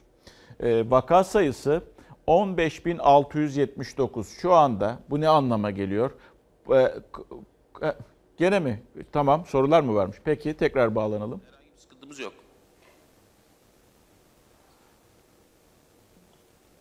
Sorunuzu tekrar alayım. Efendim bir sıkıntımız var mı diye sormuştum. Cevabımı aldım. İlk sorum da şuydu. Bir seyahat kısıtlaması oldu. Özellikle otobüslere yönelik ancak... Biz özellikle seyahat kısıtlamasının daha yoğun yapılmasını gerektiğini düşünüyoruz. Bu konuda da İçişleri Bakanlığımız zaten daha yoğunlaştırdığı bir döneme girmiş oldu. Önümüzdeki günlerde bu kısıtlamanın daha da izne bağlı biliyorsunuz. Bunu daha da yoğunlaştırarak sürdüreceklerini biliyoruz. Evet. Tele1 Televizyonu Arzu Öztürk. Sayın Bakan size somut bir soru sormak istiyorum. Bilim Kurulu sokağa çıkma yasağını önerdi mi, önermedi mi? Teşekkürler. Teşekkür ediyorum. Bilim Kurulu'nun geçen toplantıda aldığı kararları biz biliyoruz. Ve bu kararların ne olduğu da belli. Özellikle bazı şehirler özelinde genel giriş çıkışların kontrolü istenmişti. Bu bütün Türkiye'de uygulandı. Ve önümüzdeki günlerde bunun daha yoğun bir şekilde zaten İçişleri Bakanlığı bu anlamda yetkili daha yoğun bir şekilde uygulanmış olacak. Teşekkür ediyorum. Teşekkürler. Bu kez bitti. Son soru net bir soruydu. Sokağa çıkma yasağını bilim kurulu olarak Cumhurbaşkanına, Cumhurbaşkanlığına önerdiniz mi? Ee, net bir cevap vermedi. E, Bizim hazırladığımız planlar vardı e, veya maddeler vardı. Ee, Şehirlere, bazı şehirlere giriş çıkışların kısıtlanması, sınırlanması e, ve e, bunu önermiştik. Tüm Türkiye'ye uyarladık dedi. Sonrasında şu cümleyi de ekleyebiliriz. O başka bir cümleden alıntı, başka bir cevaptan alıntı. Önümüzdeki günlerde, önümüzdeki günlerde seyahat sınırlandırılmasının artarak devam edeceğini de kendisi ifade etti. Bugünkü e, veriler şöyle. 15.679 ne demek sorusu. Koronavirüsü ne e, taşıyan insanlar, vaka, hasta sayımız yani. Ee, bu arada hayatını kaybedenler 272 vatandaş hayatını kaybetti. Şu alttaki şeyi alabilir miyiz? Karşıyı alabilir miyiz? 277 vatandaş hayatını kaybetti. e, toplam yoğun bakım 979, toplam entübe hasta sayısı 692 e, ve e, iyileşenlerin sayısı 333. Amacımız dedi Sağlık Bakanı bu iyileşenlerin e, miktarını veya bu sayıyı dedi arttırmak. E, ama dedi bunu sağlayabilmek için izola, izolasyon şart e, ve e, evde geçirmek zorunlu. Kafasından belki de gerçekten onu düşündükten sonra o soruları dedikten sonra veya o cümleleri kurduktan sonra ya e, insan şu soruyu soruyor. Hele ki bunu da açıklayacağım birazdan. Bir hasta dedi 30 hastaya bulaştırıyor cümlesini kurdu. Bir hasta 30 hastaya bulaştırıyor dedi. Virüs çok kolay yayılıyor dedi.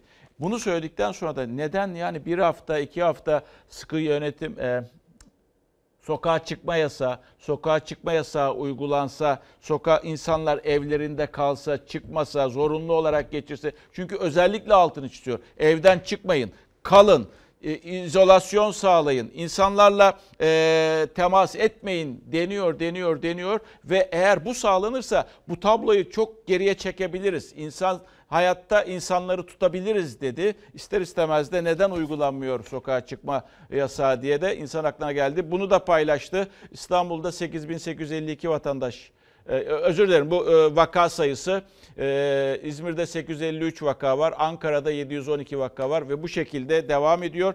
E, bir bütün illerde e, vaka var sevgili izleyenler. Onu da söyleyelim, paylaşalım. Ve e, reklam diyeceğiz, değil mi? Reklam. Kapatıyoruz sevgili izleyenler. Bizden hemen sonra Öğretmen dizisi ekranlara gelecek. İzleyebilirsiniz. Yarın daha mutlu, daha huzurlu, daha güvenli bir dünya ve tabii ki Türkiye'de buluşmak umuduyla. Hoşçakalın.